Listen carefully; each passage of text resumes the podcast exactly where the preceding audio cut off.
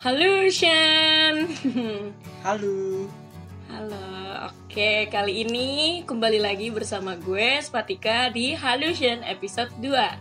Kali ini gue mengundang salah satu apa ya disebutnya? Pejabat kampus? Eh, bukan Hmm. saya. Saya hanyalah mahasiswa biasa. Mahasiswa biasa sama-sama semester 7 juga kayak gue. Tapi dia anak sejarah. Nah, tapi spesialnya dia adalah Ketua DPM FIB UI 2020 kita sambut Arul. Halo Spatika. Apa kabar Spatika? Baik, alhamdulillah. Ya ampun sampai nyebut kan gue. ya udah, gimana nih Arul kabarnya selama PJJ dan karantina ini? Ya seperti yang Spatika tahu, begini-gini aja. Gak ada yang berubah. Begitu-begitu aja. Iya. Gimana eh, kegiatan DPM-nya? Apakah menyetreskan atau menyenangkan? Alhamdulillah karena kerjaan DPM saya jadi mengais-ngais diri saya sendiri. Gimana tuh maksudnya? Saya merobek-robek diri saya.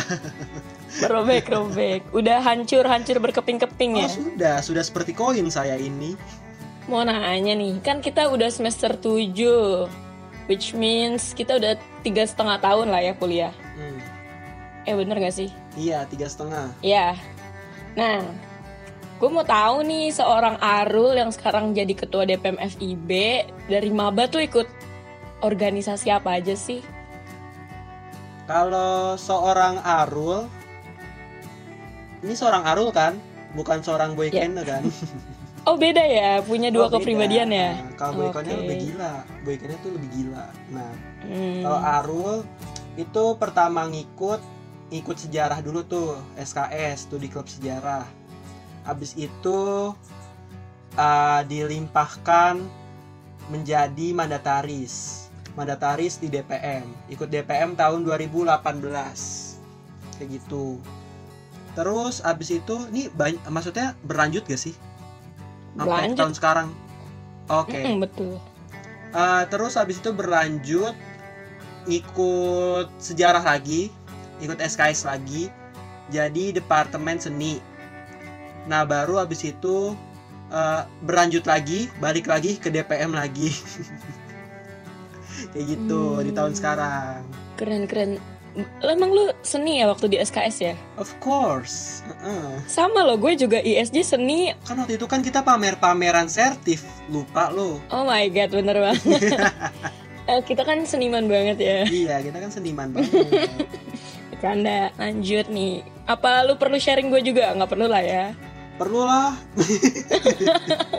Orang gue yang nanya, gue yang sharing gimana ceritanya.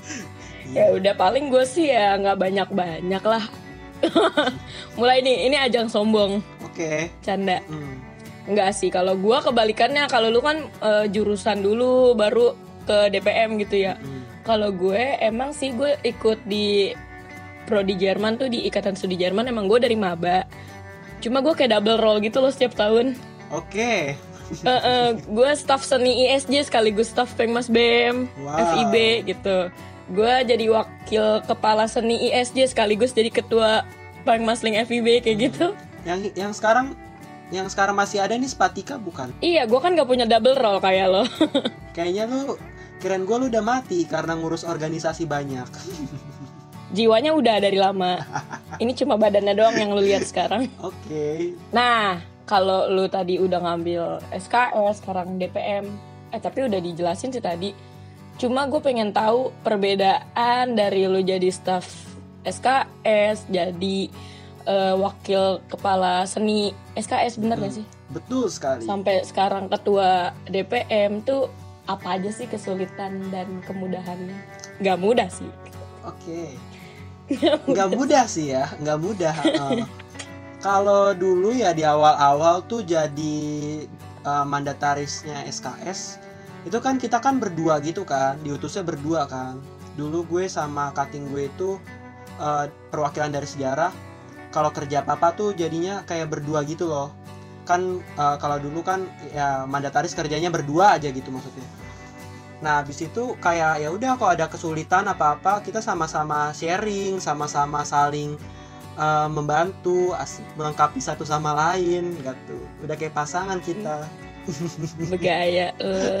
Nah, terus uh, kesulitannya ya dulu di DPM itu jadi mandataris. Nggak ada kesulitan yang hakiki banget sih maksud gue. Karena gue waktu itu fun banget uh, ngejalaninnya gitu loh. Kita sama kita sama-sama fun ngejalaninnya. Jadi ya udah gitu. Kita let it go. Kalau ada masalah let it go. Jadi lupa sampai sekarang. Makanya kayak gitu. Terus waktu jadi wakil departemen seni hmm, kesulitannya adalah bentar gue inget dulu. Ah gue tahu waktu uh, proker-proker gedenya FIB tuh kayak Olimbut, Facebook, uh, sama iya, PK. Iya. Nah, itu tuh yang bikin sulit banget gitu. Sempat pengen mati sih gue pas PK gitu loh. Dulu kan uh, eh, SKS tuh awal-awalnya uh, punya niatan buat ngikut kan. Iya. Tapi uh, ujung-ujungnya kita pertimbangkan karena ternyata jadwalnya tuh bentrok banget sama bulan puasa gitu loh. Dan akhirnya bocah bocah-bocah SKS banyak yang kayak bilang mending di ini aja kita kita narik narik diri kayak gitu istilahnya. Karena banyak yang nggak sanggup ketika bulan puasa itu juga kayak ada yang pulang kampung gitu gitu udah dah tuh akhirnya ya kita stres mikirin itu maksudnya. Di satu di satu sisi kita pengen ikut ajang lomba PK ini tapi di satu sisi lain kita harus pertimbangkan uh, masyarakatnya gitu anak-anaknya terus iya pokoknya itu deh kalau misalkan waktu jadi wakil departemen seni sulitnya tuh di situ kita tuh mengimbangin uh, anak-anak SKS-nya dengan ambisi kitanya gitu loh maksudnya. Nah, iya terus sih. abis itu lanjut ke ketua DPM. Ketawa loh. Nah, ini lebih-lebih gitu. Ini ibaratnya kayak gue main Jumanji gak sih? Eh Jumanji apa bukan sih? Pokoknya yang kayak ada level-levelnya gitu lah. Oke. iya, iya kayak dikejar-kejar hewan buas. Iya betul kayak dikejar-kejar hewan buas gitu. Awal-awalnya baru membangun keluarga di DPM kita udah disambut dengan pemira lu bayangin betul pemiranya bem uh, itu tuh yang paling meng apa ya namanya ya menantang banget terus abis itu pemira kelar ternyata pandemi gitu langsung dah tuh hmm. udah kayak ditimpa angin ditimpa hujan. Jadi ya udah gitu maksud gue nggak tahu nih sekarang hidup gue atau bukan gitu loh. Gue mempertanyakan diri gue makanya apakah ini Aru yang asli atau bukan gitu. Oh, bukan boy Kena? Itu boy Kena adalah jiwa yang sudah mati gitu. Oh jiwa yang sudah mati. Gimana ya responnya? Iya sih emang pandemi ini tuh emang mendampak ke semua orang, hmm. apalagi orang-orang yang sedang menjabat seperti kita ya. Of course. Kayak kita punya banyak rencana dari plan A sampai plan Z di awal udah persiapin rancangan keuangan hmm. jeger hilang semua program kerjanya ya itu dia itu dia maka dari itulah lahir halusion ini oke okay. ini salah satu ini banget ya gue uh, pro bukan appreciate appreciate banget sih sama lu sih karena lu oh membuat ini gitu. Eh, jangan gitu nangis nih gue. Diem lo gak usah pura-pura lo. Gue tau lu pencitraan. Emang. Lu gak tau sih, sih. Nih belakang gue lagi tawa nih. Kok kayak Voldemort? Oh ya by the way Gue tuh jadi kenal deket sama Arul Karena lo jadi mandat DPM kan waktu itu. Mm -mm. Karena lo mandat Lo bisa masuk jadi Pengawas acara Iya ya. Pengawas nah, acara PES sama BIM PES sama BIM di situ gue jadi staff tapi sebelumnya emang gue kenal sama Arul di Baksos 2017 ya di Bakti Sosial. Cuma ya namanya maba lah ya kita kan masih kayak lirik-lirik tetangga belum kenal hmm, deket. eh pas sudah kenal kayak gini, hmm, udah segala segala kebobrokan tahu deh. Hmm. Maklum ya teman-teman kita hanya manusia biasa. Iya kita hanya manusia butuh kasih sayang. Eh jomblo ya? Of course. Of course, and gue nggak bisa bilang I'm proud, tapi ya I'm jomblo. I'm jomblo. Ya udahlah ya. Lihat kita lengser nanti kita baru cari pacar. Betul. Betul. Hmm. Lalu kan organisasi udah nih, pasti kan di sebuah organisasi ada yang namanya kepanitiaan. Biasa lah ya common di dunia perkuliahan, di dunia mahasiswa yang namanya kepanitiaan tuh kudu mesti wajib gitu kan. Nah, menurut lu nih, kepanitiaan tuh bisa ngelatih kepemimpinan gak sih? Em, bisa banget maksud gue di sini. Karena em, pertama kepanitiaan tuh seru banget. Terus kedua kepanitiaan tuh emang ajangnya kita buat belajar berorganisasi gitu. Buat menata kehidupan kita di dalam organisasi. Itu gua rasain banget sih sepat maksud gue. Eh, dari zaman zaman gue maba gue ikut kepanitiaan kayak lama-lama tuh tanggung jawab gue tuh terasa gitu. Nggak tahu Hmm. kenapa maksudnya. Kayak tanggung jawabnya ter- eh, terasah terus juga kayak otak kita jadi jalan gitu loh kalau tiba-tiba ada masalah. Jadi kita bisa muter balikin otak kita buat mikir gitu. Kayak gitu sih Kepanitiaan apa yang paling berkesan buat lo selama 6 semester di belakang? tapi lu nggak usah kegeeran ya Apa nih? baksos dong tentunya Oh my god, jadi GR. kenapa tuh? Kenapa? soalnya gimana ya gue tuh pertama ikut baksos kan gue jadi staff kan di mana Mm-mm. namanya di baksos 2017 inget 17. banget tuh dulu kita sama-sama jadi staff terus abis itu gue vakum setahun. Maksud gue kan gue jadi staff ya udah gue kayak nerima tugas dari PJ gue terus gue tinggal menjalankan aja kan. Nah Iya. pas gue jadi PJ PJ kesehatan ini pas di Baksos tahun 2019 gue tuh kayak bener-bener ngerasa banyak hal baru gitu loh yang ada di dalam hidup gue. Entah kenapa maksudnya gue ketemu orang-orang baru itu tuh. Terus yang kedua kayak ah, suasananya bikin kangen sih sebenarnya ini. Gue jadi kangen banget. kan iya. Terus yang kedua tuh um, waktu jadi PJ itu gue kayak banyak banget menerima satu kendala. Akhirnya uh, gue di situ kayak belajar buat mikir. Maksud gue gue harus mikir keras di situ. Gimana caranya supaya masalah ini tuh bisa clear dan nggak terulang lagi kayak gitu. Sama uh, ya gue jadi belajar ini sih uh, public speaking terutama di depan orang-orang eksternal gitu kan waktu itu kan kesehatan kan sahabat gitu. Sebuah organisasi lah ya, sebuah Iya. komunitas ya. Iya, sebuah komunitas. Jadi Iya. kayak gue belajar banyak banget sih. Jujur gue nggak ini nggak pencitraan ya depan lo ya. Maksud gue kayak gue belajar banyak banget hal dari baksos itu kayak gitu. Terutama tentang kekeluargaan sih kayak gitu sih. Oke, ini menyangkut gue juga sih karena ini gue mau pencitraan sih, pencitraan banget nggak. Jadi pas Arul kemarin jadi ketua PJ kesehatan di situ gue steering committee ya.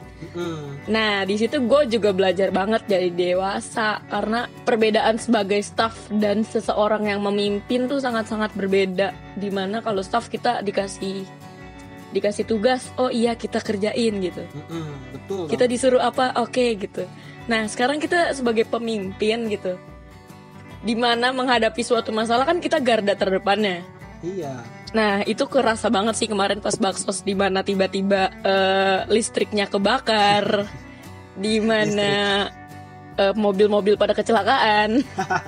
Di mana di mana air kehabisan ya kan? Hmm. Wah itu otak semakin muter-muter-muter Di situlah kita belajar bagaimana harus mengerti keadaan semua orang yang kita pimpin Itu dia maksudnya.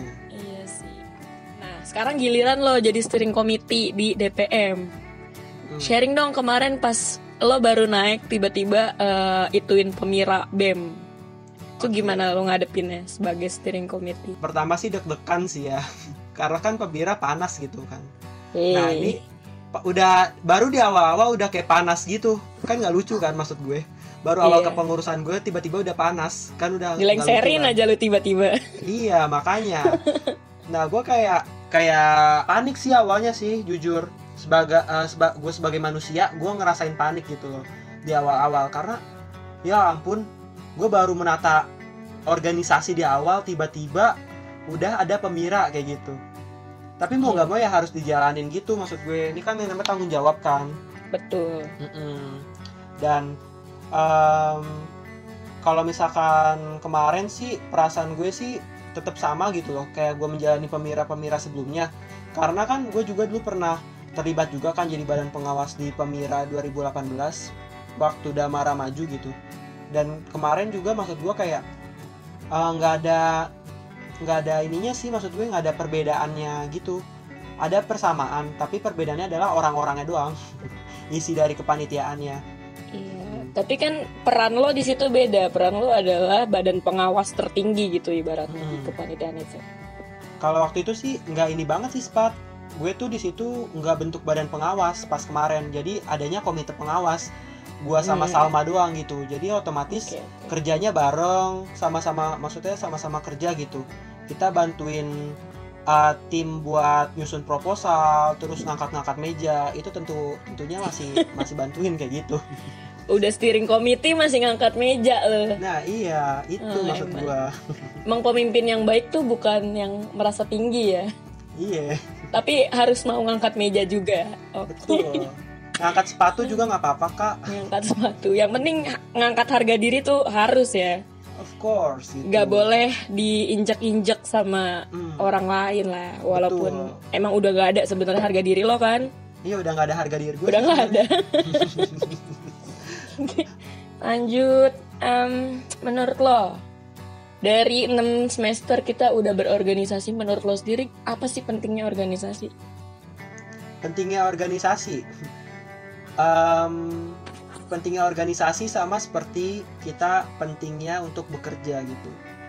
Kalau misalkan kita kerja kan kita kan yang dituntut itu kan bukan jujur ya ini bukan nilai bukan siak lo gitu bukan siak lo bukan nilai-nilai lo tapi yang dituntut itu adalah pengalaman lo gitu.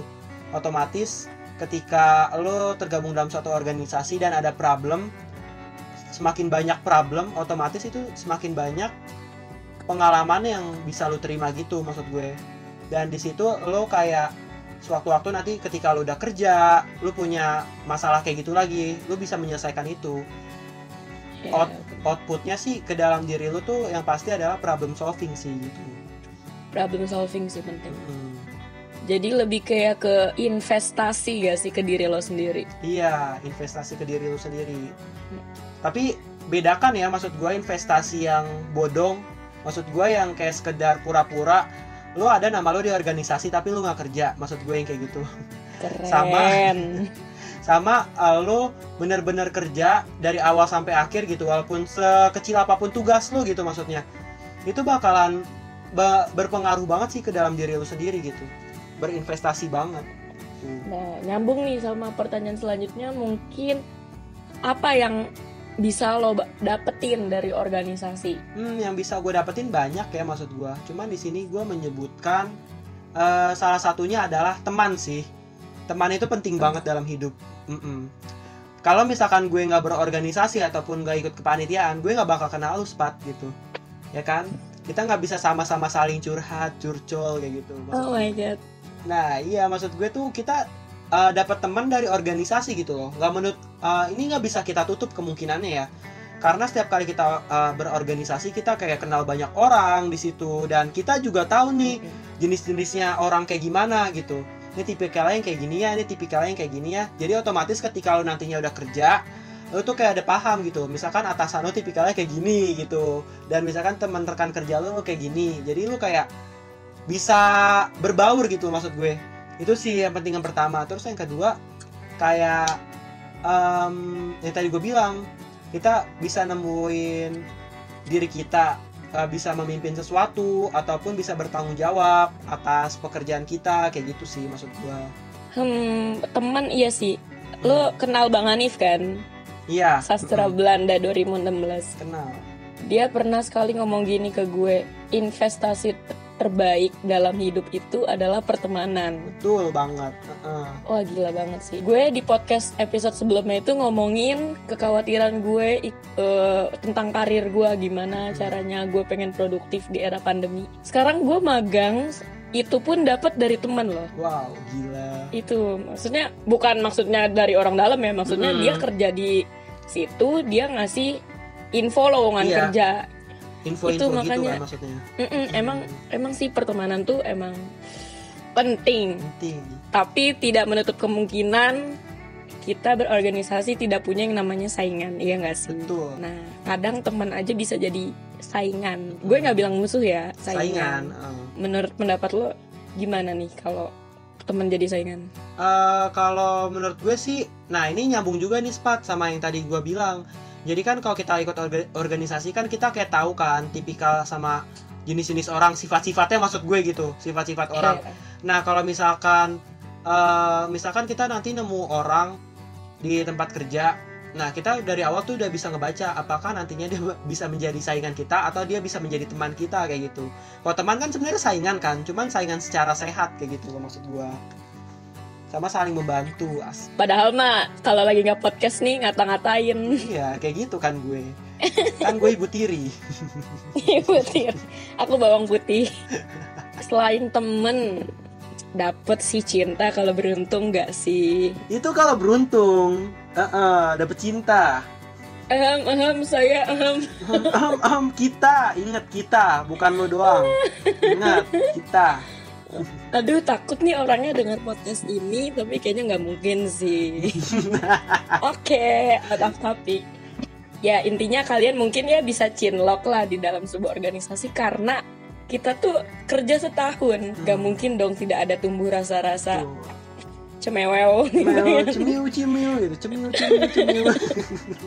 lope lope di udara gitu lah. ibaratnya. Lope-lope di udara Cuma ya berarti kita juga bisa meningkatkan cara kita ngejudge orang ya Hmm, nggak nggak semata-mata kita ngejudge dari luarnya aja tuh. karena dengan setahun kita bersama wah kelihatan deh jelek-jeleknya Hmm. Bagus-bagusnya. kelihatan tuh semuanya. nih gue kenal Arul 3 tahun ya ilah dari A sampai Z kali udah kayak bye Bye. Kalau ketemu ya Arul kayak gitu. ya Arul tapi FYI seru loh tahun ini kita kepengurusan orang-orang di circle kita tuh asik Iya, nggak asik, sih asik semua anak-anaknya. Mm, Iya ini juga mungkin bisa referensi nih buat teman-teman kalau misalnya kalian dari maba punya teman deket dari berbagai jurusan yang sekiranya deket terus nanti kalian tiba-tiba jadi ketua jurusan masing-masing atau ketua BEM atau ketua DPM atau ketua BOBSO kayak kita lah takdirnya Itu menyenangkan banget gitu. Itu menyenangkan setiap banget. rapat nggak formal gitu kan Nah, rapat nggak formal. rapat bisa ngomong kasar itu cuma kita doang sih kayaknya minta tanda tangan dekanat Iya. udah nggak ada assalamualaikumnya udah nggak ada adab deh tuh Tapi siapa yang diomelin? Gue. Anda apa-apa Ketua DPR Em, Oke lah Udah teman Udah cinta Ntar juga pasti orang ngerasain sendiri Kalau misalnya ikut organisasi gak sih Betul bang. Nah kan sekarang nih Lo tau sendiri kita lagi krisis eh, Yang namanya Tidak mau mengambil peran sebagai Pemimpin gitu kan Coba dari dasarnya dulu deh Menurut lo pemimpin yang baik tuh kayak gimana sih? Pemimpin yang baik tuh em, yang paling utama menurut gue ya. Pemimpin yang bisa membawa gitu. Membawa anak-anaknya ke mana eh, ke arah yang emang menjadi satu visinya dia gitu. Mm-mm.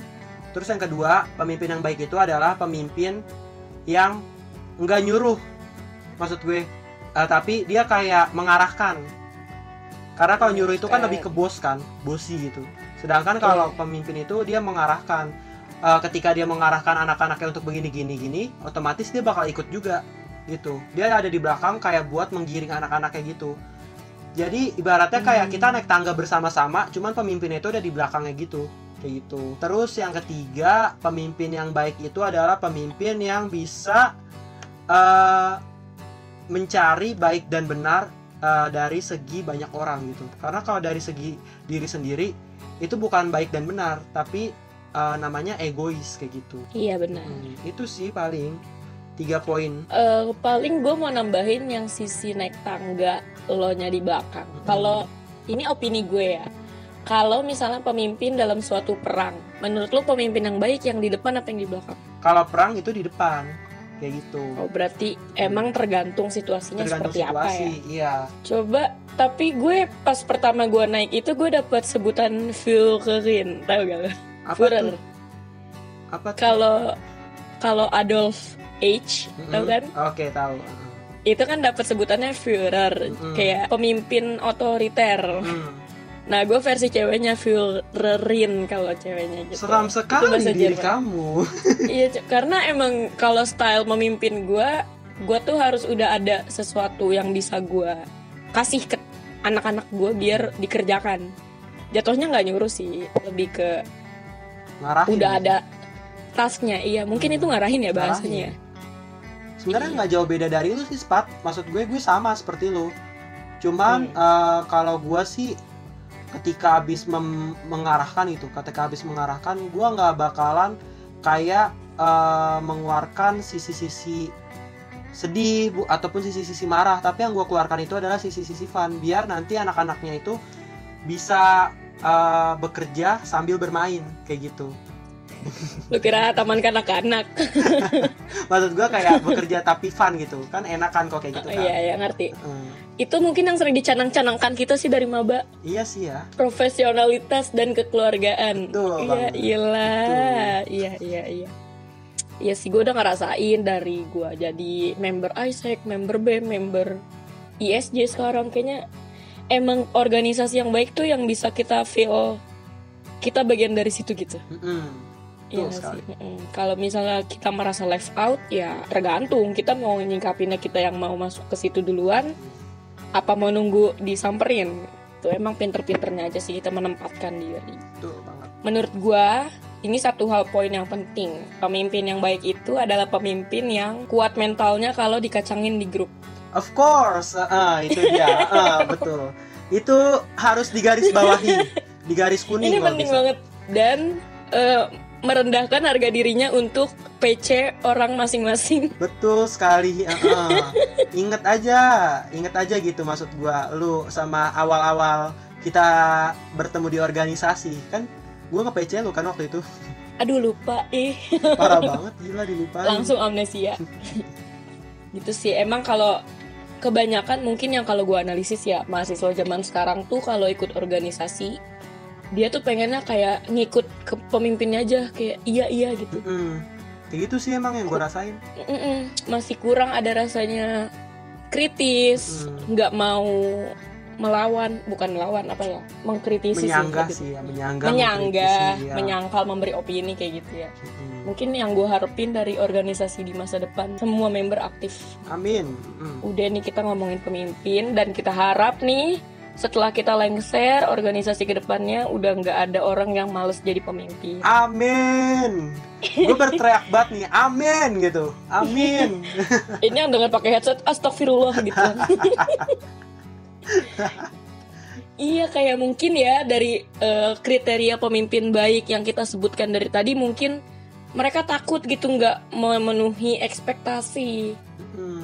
makanya takut jadi pemimpin. Menurut lo gimana sih dengan keapatisan ini? Iya menurut gue sih sebenarnya bener siapa kata lu kekosongan pemimpin itu karena dia takut gitu loh sama apa yang akan terjadi sama dirinya dia di masa depan gitu entah yang pertama. Karena jadi pemimpin itu nggak selamanya lu disenengin gitu. Tapi ada selamanya lu pasti dibenci juga. Tapi orang yang nggak mau maju ini dia pasti mikirnya kayak ah pasti nanti gue ujung-ujungnya bakal dikeselin banyak orang nih karena nanti, nanti mimpin gue nggak bener. Belum apa-apa kayak dia Iya. udah netting gitu maksud gue. Harusnya nggak kayak Iya. gitu. Harusnya kayak awal-awal kayak ya udah lo mm, maju lo tanpa memikirkan akan hal itu dulu maksud gue hal itu adalah hal yang belakangan. Tapi gimana caranya diri lo itu membulatkan hati gitu? Supaya uh, apakah gue udah pantas jadi pemimpin kayak gitu? Kalau misalkan diri lo berkata sudah ya monggo gitu maju silahkan. Tapi kalau misalkan diri lu berkata belum ya otomatis ya uh, lu boleh mengu- mengurungkan di me- mengurungkan niat lo itu maksud gue. Karena di sini tuh yang tahu diri lu bukan orang lain tapi diri lu sendiri gitu kayak gitu sih maksud gue sebuah quotes mantap Hmm. nih golden ways emang Quotes banget Iya sih emang ya.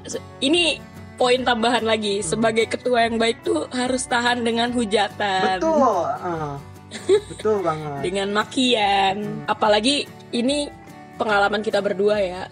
Selama kita berorganisasi pasti bersinggungan sama politik kampus. betul banget Duar.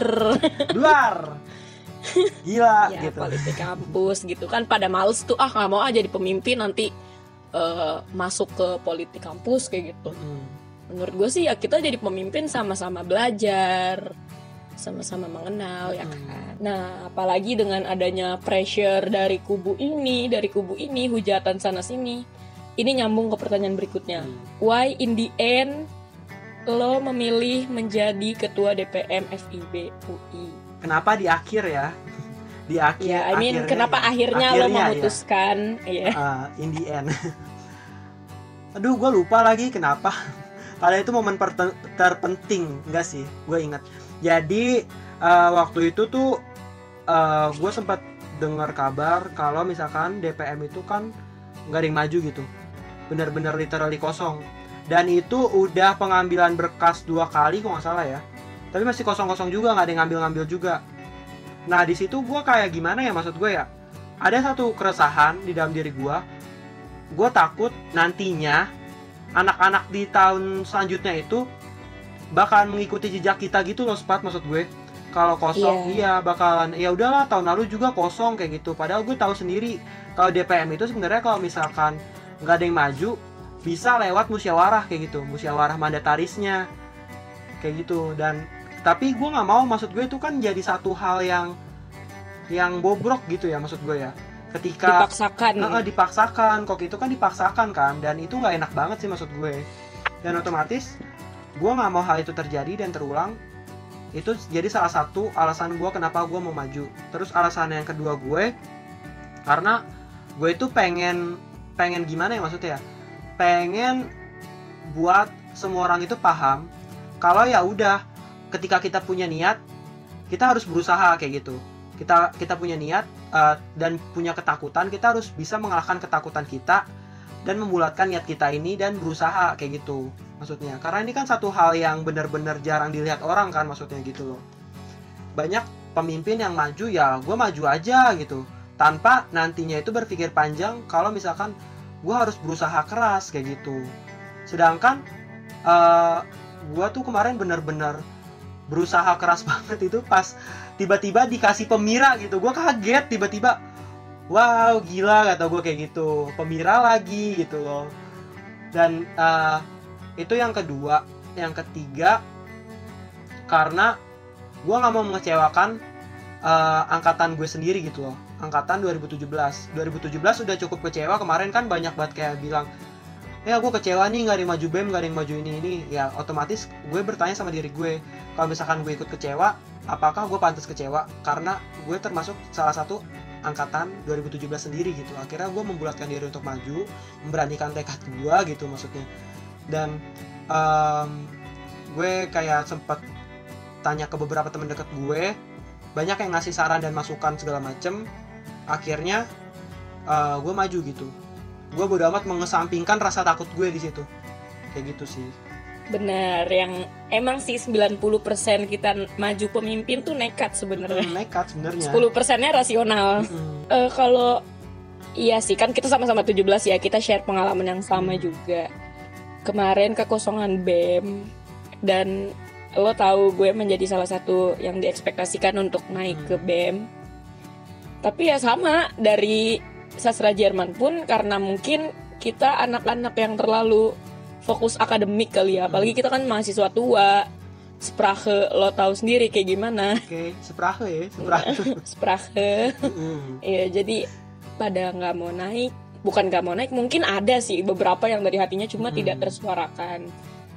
Dan ya udah, maybe menurut gue ini saatnya gue pulang ke rumah betul iya. di saat-saat akhir gue di kampus.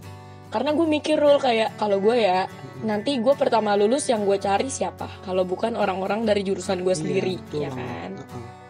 Nah, gue pengen pulang tuh. Cuma biasalah hujatan-hujatan sana sini karena gue menolak-menolak BM itu. Sampai akhirnya adalah temen dekat gue nih jurusan Korea lo tahu siapa? Siapa? Inisialnya RD. oke I know Gue udah gue udah naik jadi ketua sastra Jerman dari Desember nih. Gue inget banget itu ulang tahun gue dirayain jeger happy birthday happy birthday tiba-tiba gue jadi ketua. Terus RD ngajak gue jadi ketua BEM karena Januari waktu itu masih kosong ya. Mm. Dia tiba-tiba ada pikiran tuh malam-malam, ih gue pengen jadi ketua. Terus dia nelpon gue, gue malam-malam ke kursusan teknik buat nyamperin dia doang. Gak taunya dia nawarin gue jadi wakil. Kan gue udah jadi ketua dan lo Jerman. terkejut gitu gue udah jadi ketua Ya, jelas lah. Jerman kayak gitu kayak em, tidak bisa say kayak gitu tidak bisa Ini ceritanya belum gue, ini belum tersebar ke mana-mana nih. Ini eksklusif di Halusion ya. Eksklusif Jadi RD banget. tuh pengen jadi ketua DPM terus dia ngajak temen gue Arkeo inisialnya Isa buat jadi wakil. Cuma Isa juga mau sebenarnya. Cuma ada beberapa faktor yang menghalanginya. Hmm. Gitu sih emang harus tahan hujatan dengan apa pun yang kita pilih sebagai pemimpin. Iya. Sama ini sih satu hal yang harus digarisbawahin sama kita semua ya. Maksudnya kayak lu boleh mengekspektasikan orang, tapi lu jangan membuat orang lain tuh tertekan gitu. Paham gak sih maksud gue? Betul. Iya, jangan Betul. seperti itu maksudnya. Aduh kalau gue ceritain mah bisa sampai subuh kita nih. Panjang dong nanti yang denger podcastnya. Panjang. Sampai tidur Oke. nanti. Ini hanya segelintir orang aja yang tahu betapa rumitnya tahun lalu ya Iya, buat tahun angkatan lalu. 17 tuh. Iya, oke. Semoga gue berdoa aja angkatan ke bawah kita nggak kayak gini. Amin. Hmm. Amin ya Allah. Amin. Nah, karena kita telah memilih jabatan kita masing-masing, lo sebagai ketua DPM FIB UI, apa nih yang udah lu dapetin? Selain hujatan dan makian. Ya, yang gue dapetin hu- pertama hujatan dan makian. itu awal banget emang ya. Nggak bisa dipungkiri gitu. Hmm. Tidak bisa dipungkiri. Terus yang kedua belajar sabar gitu. Sabar, bener banget. sabar iya karena gimana ya gue tuh sebelum before lu tau kan Spat before gue kayak gimana Spat jujur gue tuh Aduh, tipikal orang yang tahu nih. yang bukan penyabar gitu loh kalau apa apa Iya. gue kayak gergetan kayak gitu terutama ketika gue punya anak-anak buah gitu maksudnya anggota misalkan nah di situ gue kayak kadang mengasih tugas tapi kalau misalnya nanti dia ngerjainnya tuh nggak sesuai sama gue tuh kadang gue gergetan gitu loh tapi sekarang di Bener. DPM tuh gue nggak bisa kayak gitu karena mau gimana pun caranya nanti gue kayak gitu otomatis nanti anak-anaknya tuh nggak bisa belajar gitu loh yang harus diniin Bener, bener. Heeh. Terus yang kedua, gua tuh belajar buat uh, jadi orang yang nggak egois. Ini masih belajar ya maksudnya masih belajar. Gua paham banget mm, di sini kayak banyak orang yang nanya, "Rul, ini kenapa kayak gini sih? Ini kenapa kayak gini sih?" Kadang tuh gua kayak ngejawabnya itu sesuai dengan alasan konkret gitu loh. Termasuk uh, kadang tuh ada yang nanya kayak, "Kenapa sih kita harus buat LPJ kayak gitu?" Padahal kan uh, kita proker belum jalan semua kayak gitu. Tapi kan juga kita harus mikirin gimana ke depannya organisasi kita nanti ini loh maksud gue. Karena mereka harus berkaca juga sama pengalaman-pengalaman kita di masa pandemi kayak gitu. Takutnya ada kejadian serupa yang terjadi dan mereka panik gitu. Mereka gagap istilahnya. Terus abis itu yang ketiga belajar apa lagi ya? Oh ya, gue belajar menjadi pribadi yang lebih menyenangkan sih kayak gitu gue harus uh, bisa bersifat ramah gitu di samping sifat gue yang seperti lu tahu lah gue kayak gimana. Misalkan ada orang yang gak gue suka dia lewat dikit mulai kayak gitu mulutnya. Nah, Senggol bacok ya. sekarang tuh gue udah nggak bisa kayak gitu maksudnya. Gue Iya, tuh iya. harus belajar melihat kenapa orang lain bisa uh, bersifat seperti itu ke kita kayak gitu banyak sih sebenarnya input input yang masuk ke dalam diri gue gitu tapi yang paling terbesar banget adalah rasa berani sih itu tuh hal yang benar-benar terasa banget Sebenarnya yang gue bisa simpulkan dari apa yang lo omongin adalah belajar membuat topeng. Mm-mm, belajar membuat topeng gitu. Belajar Hmm. membuat topeng. menahan menahan maksudnya ya Harusnya kita jurusan seni ini aja ya, membuat topeng. Mm, seni rupa yang buat topeng Seni rupa. dari tanah liat tuh. Gitu sih emang kita harus pinter-pinter switching faces. iya Gitu. betul kayak gitu sih maksud gue sepat Tapi itu hal yang menyenangkan sih buat kita dan Hmm. menurut gue itu berguna saat kita di masyarakat nanti. Hmm, betul banget. Ini kalau pengalaman gue, kalau lu kan gregetan ya sama anak-anak yang agak basicnya aja belum ngerti gitu. Kalau Hmm. gue dulu, pertama gue jadi kadep peng masling bem FIB aja, gue nggak ngerti cara bikin proposal, cara bikin LPJ. Hmm. Jadi di situ gue sama-sama belajar gitu loh, sama anak-anak gue sendiri. Oke. Kayak ya merendahkan harga diri sih sebenarnya. oh ya dan juga gue denger ini dari seseorang siapa ya gue lupa. Pemimpin yang baik itu adalah pemimpin yang nggak kerja sebenarnya. Cuma pernah nggak sih lo ngerasa eh, anak lo agak kesulitan dalam suatu hal terus lu greget udahlah gue aja ngerjain gitu pernah gak sih itu yang gue bilang dulu tuh gue orang yang kayak gitu. Tapi sekarang kayak gue udah upgrade maksudnya gitu. Bahasa Wede. upgrade gitu. Gue kayak ya udah ketika dia kesulitan dia kan punya tim kan. Misalkan ada nih misalkan Spatika jadi anggota komisi hukumnya DPM misalkan. Nah dia gue kasih tugas nih gue kasih job desk tapi Spatika gak ngerti-ngerti. Terus ya udah sekarang gue kayak "Ah, ya udah Spat lu coba tanya ke ketua komisi lu dulu kayak gitu otomatis nanti kalau misalkan dia ada problem gini-gini nemuin problem barulah dikonsultasikan ke gue gitu maksud gue. Kayak gitu Siapa sih. ini Spatika nyusahin Hmm, banget Spatika Spatika nih bikin orang gregetan. Gue lama-lama yang tadinya gregetan sama staff-staff gue sendiri jadi lama-lama gue menumbuhkan rasa percaya gitu. Mm-mm, dan dari situ maksud gue. Kan? Heeh, dan akhirnya alhamdulillah mereka bekerja dengan baik kita kasih Hmm. lingkungan yang nyaman tuh kasih apresiasi tiap ulang tahun dikit niup lilin tuh anak gue 9 biji 99 udah gue rayain tuh. Kan gue dirayain sama lo. Kapan ya? Aduh lupa. Hmm. semuanya lupa deh gue. Gitu, kita harus belajar sabar. Tuh banget. Ini bener-bener sih emang organisasi tuh sepenting itu sih buat soft skill kita. Siapa ya? Oh pas gue maba eh, ketua bem kita siapa sih? Ketua bem UI eh Duh gue lupa. Pas kita maba kan? Iya gue lupa sumpah. Eh, Bukan Mani bang bukan- Mujab bang Mujab. Mujab ya Bang Mujab. Iya pernah ngomong gini. Eh, menurut lo kenapa IP kita tertinggi adalah 4 Kenapa tuh? Karena 96 nya kita dapetin di luar kelas.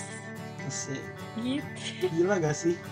Emang the best banget tuh orang sumpah. Ya ini gue seinget gue sih bang Mujab ya kalau orang Hmm. lain yang ngomong ke gue tapi gue lupa ya maafin lah ya. Hmm. Kita hanya manusia. Nah tidak dipungkiri nih ikut organisasi itu pasti adalah toksik toksik nah cara lo menghadapi orang yang toksik dalam sebuah organisasi itu gimana sih? Cara menghadapi orang yang toksik dalam organisasi Yang pertama itu gue harus tahu sih alasan kenapa dia toksik gitu. Kadang kadang kan ada kayak bocahan ya kalau ngilang itu jatuh toksik gak sih ngilang-ngilangan? Enggak ya? Oh Iyalah. iya oke. Oke iya berarti masuk ya. Lepas tanggung jawab. Jadi tuh eh, kadang tuh ada kayak anak-anak yang hilang-hilang gitu dan kadang tuh gue kayak bertanya gitu loh. Pertama nanya ke diri gue sendiri sih kenapa nih anak ngilang? Apakah gue sudah memuaskan dia? Maksudnya memuaskan dalam artian menyenangkan gitu maksud Hmm. gue.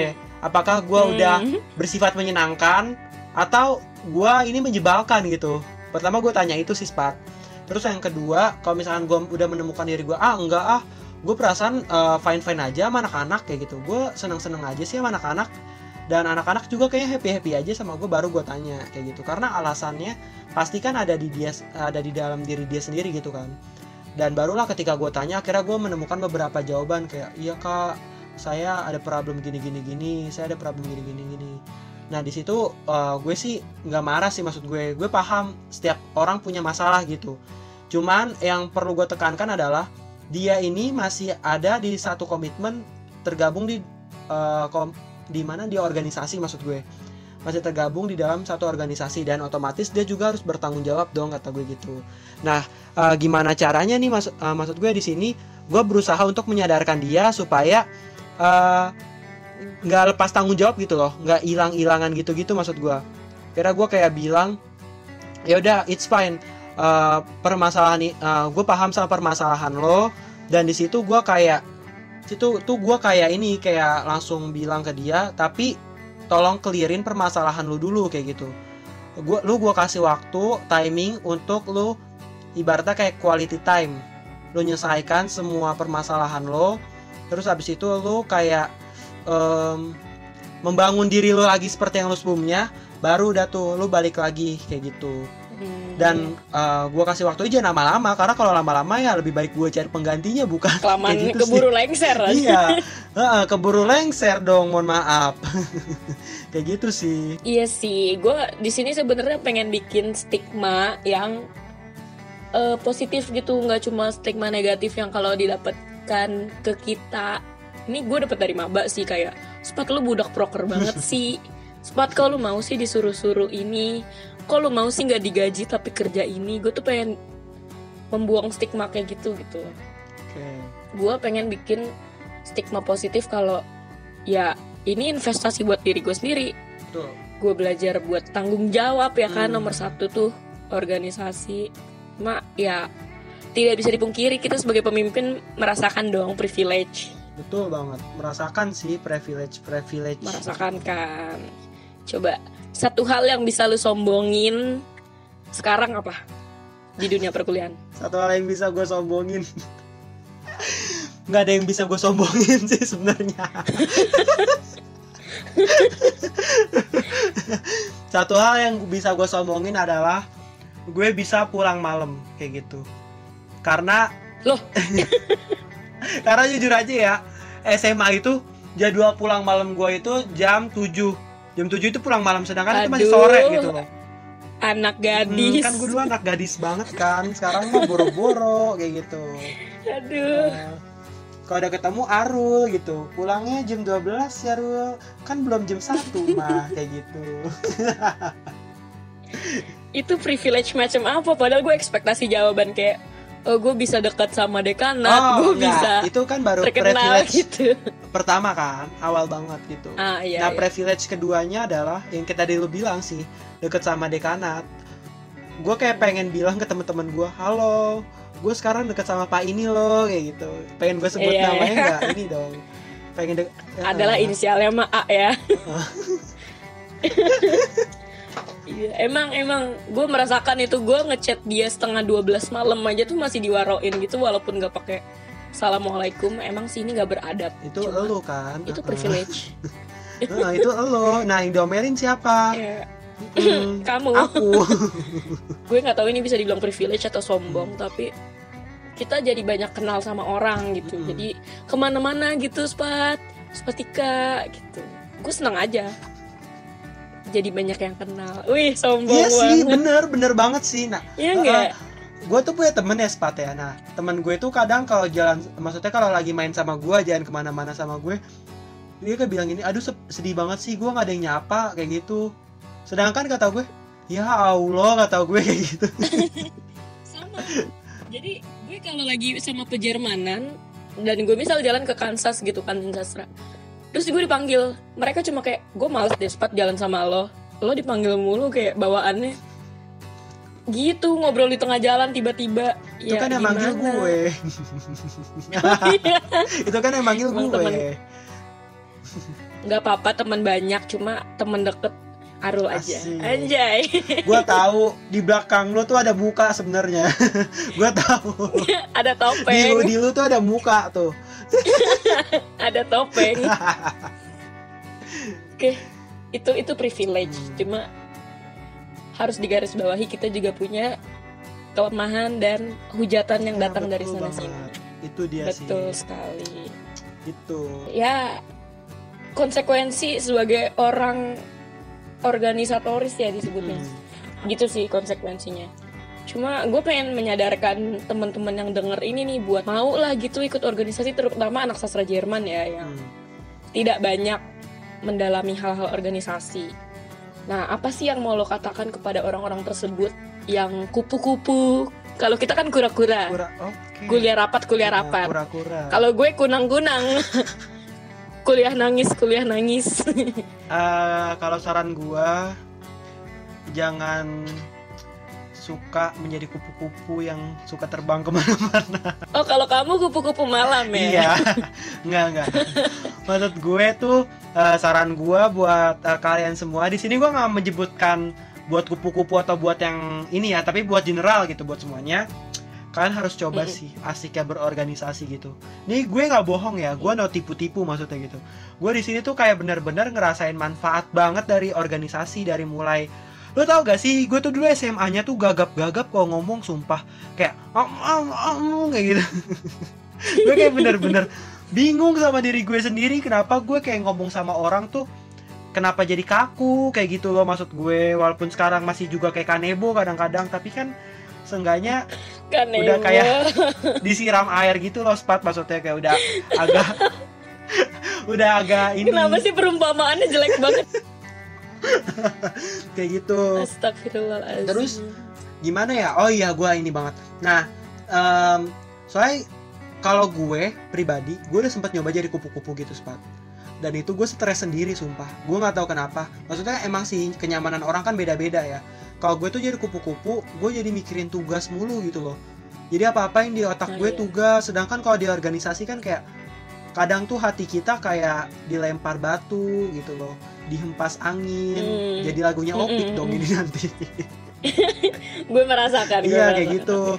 Jadi kayak gimana ya sensasi gitu loh sensasi. Lo mengikuti organisasi itu sama aja kayak lo lagi di Dufan gitu kayak lo lagi di Dufan maksud gue. Iya roller coaster Iya, ya bener-bener ada naik ada turunnya. Iya. kadang tuh gimana ya kayak contohnya aja eh, tadi banget nih gue habis ketemu sama kemahasiswaan gitu. Jujur gue deg-degan gitu. Aduh apa nih? Apa bakal ada info apa nih? Kayak gue bakal deg-degan apakah ada satu informasi yang nantinya bakalan menjadi masa-masa buruk gue gitu ataupun nanti ada mas eh, menjadi masa-masa cerah gue itu salah satu eh, deg-degan gue di situ. Dan nanti ketika gue udah selesai ngomong sama kemahasiswaan kayak plong aja gitu. Plong kayak lu tuh bener-bener bener-bener abis buang air gitu loh bener-bener plong maksud gue. Iya sensasinya tuh bener-bener aduh gila nggak bisa dibayangin sih itu seru banget sih maksud gue. Makanya kalian semua tuh harus coba berorganisasi sih maksud gue di situ. Apa pun jabatannya karena sebenarnya jabatan itu nggak nggak terlalu penting banget ya maksud gue ya. Mau lo jadi ketua uh, staff ataupun kadep ataupun apa gitu maksud gue kan sama aja gitu di situ. Karena sama-sama kerja ya coba aja gitu maksud gue. Seru kok ikut organisasi lo bisa kenal banyak orang bisa dapat teman nanti bisa dapat pacar insya Allah. Oh, kalau kalau beruntung. beruntung. Tapi saya tuh setiap kali gosok stiker undian, maaf Anda tidak beruntung. coba lagi. Coba lagi kayak gitu.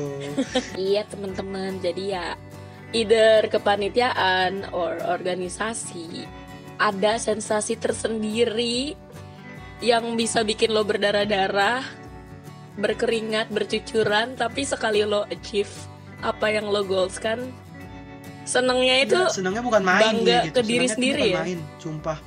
senengnya bukan main kalau ibarat anak IPA tuh kalau lu ngerjain MTK sampai akar-akaran dan ketemu jawabannya tuh kayak gitu sensasinya Hmm. Itu tuh seperti kita itu. sebagai anak sastra sih nggak nggak merasakan itu ya Iya sih, bener. kita kan anak. kalau kamu anak dajal Ya. Oke, itu sudah pesan-pesan terakhir nih dari Hmm. seorang Arul.